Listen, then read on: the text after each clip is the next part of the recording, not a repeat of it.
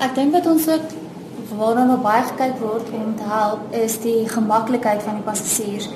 Een van die goeders waarna jy verwys het byvoorbeeld is word nog kyk na die leksheid om die tegnologie te verbeter of na die brandstofverbruik of so en ek dink tot 'n groot mate is dit meestal die brandstofgebruik wat verbeter het, maar as jy kyk na die passasiers self, dan kyk ons byvoorbeeld na die kajuite self, die beligting wat oor die jare verander het. 'n Paar jaar terug, sê 50 jaar terug, was daar net 'n aan en af skakelaar vir die ligte gewees in die vliegtuig en dit het baie verligting vir die passasiers veroorsaak. Waaras vandag het hulle soveel verskillende ligtestellings, soveel verskillende beligtingopsies binne die vliegtuig om byvoorbeeld die vlugfoosheid van die passasiers te verminder of selfs uit te skakel of selfs jou liggaamsritme om dit beter aan te help sodat jy nie so moeg is as jy by 'n plek aankom nie. As ons kyk na die ontwerp van die vliegtuig self, wat het verander oor die jare?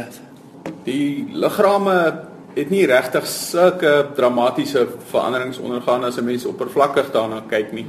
Maar omdat mense deesdae die vermoë het om baie beter met 'n rekenaar te voorspel wat gaan gebeur, kan die ouens klein veranderingkies maak aan 'n vlerk en aan die vlerkpunte en allerlei goeters wat maak dat hy minder sleur het. Met ander woorde dat nooit maar die lugweerstand minder is.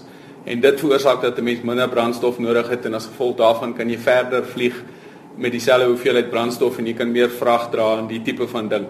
En dan was daar geweldige ontwikkeling in terme van die aandrywing.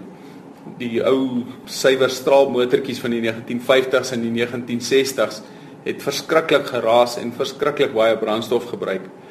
Die nuwe motors is baie groter as mense na hulle kyk, kan jy sommer sien dis 'n groot wye ding, is nie so 'n lang dun dingetjie nie. Hmm. En hulle maak baie min geraas en hulle brand baie minder brandstof. So dit is die twee groot faktore wat maar gemaak het dat die vliegtye van vandag soveel verder kan vlieg. Daar's ook materiale, beter materiale wat gebruik word. In die ou dae was dit maar alles metaal wat aan mekaar geklinknaal is. In deesdae gebruik hulle plastiek amper soos die goeders waarin jy jou margarien koop om die vliegtye te bou en die goed is mooi glad en hulle het glad nie lasse nie en hulle hou baie lank en dit is net wonderlik. Ek dink ook iets wat dan bydra, die navorsing kyk ook destyds baie na vensterlose vliegtye soos om die strukturele integriteit van die vliegtuig te verbeter. Hmm. Maar weer eens is daar 'n baie groot debat daaroor want passasiers voel verskriklik ongemaklik om in 'n vliegtuig te sit en hulle kan nie by 'n venster uitkyk nie. Maar as jy kyk van 'n navorsingsperspektief, is dit baie veiliger om met 'n vliegtuig te vlieg wat nie vensters het nie, sodat die romp 'n geheel en daar's nie gate oral in die romp waar vensters is nie.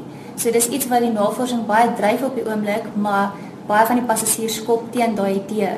In die toekoms hoop ons om vensterlose vliegtye te hê. Hulle het skerms wat hulle in die vliegtuig in die romp het wat vir jou wys wat buitekant aangaan wat baie veiliger is en ons sal baie vinniger kan vlieg dalk en dit sal ook die gewig van die vliegtuig aansienlik verminder wat beteken dat ons beter brandstofverbruik ook het.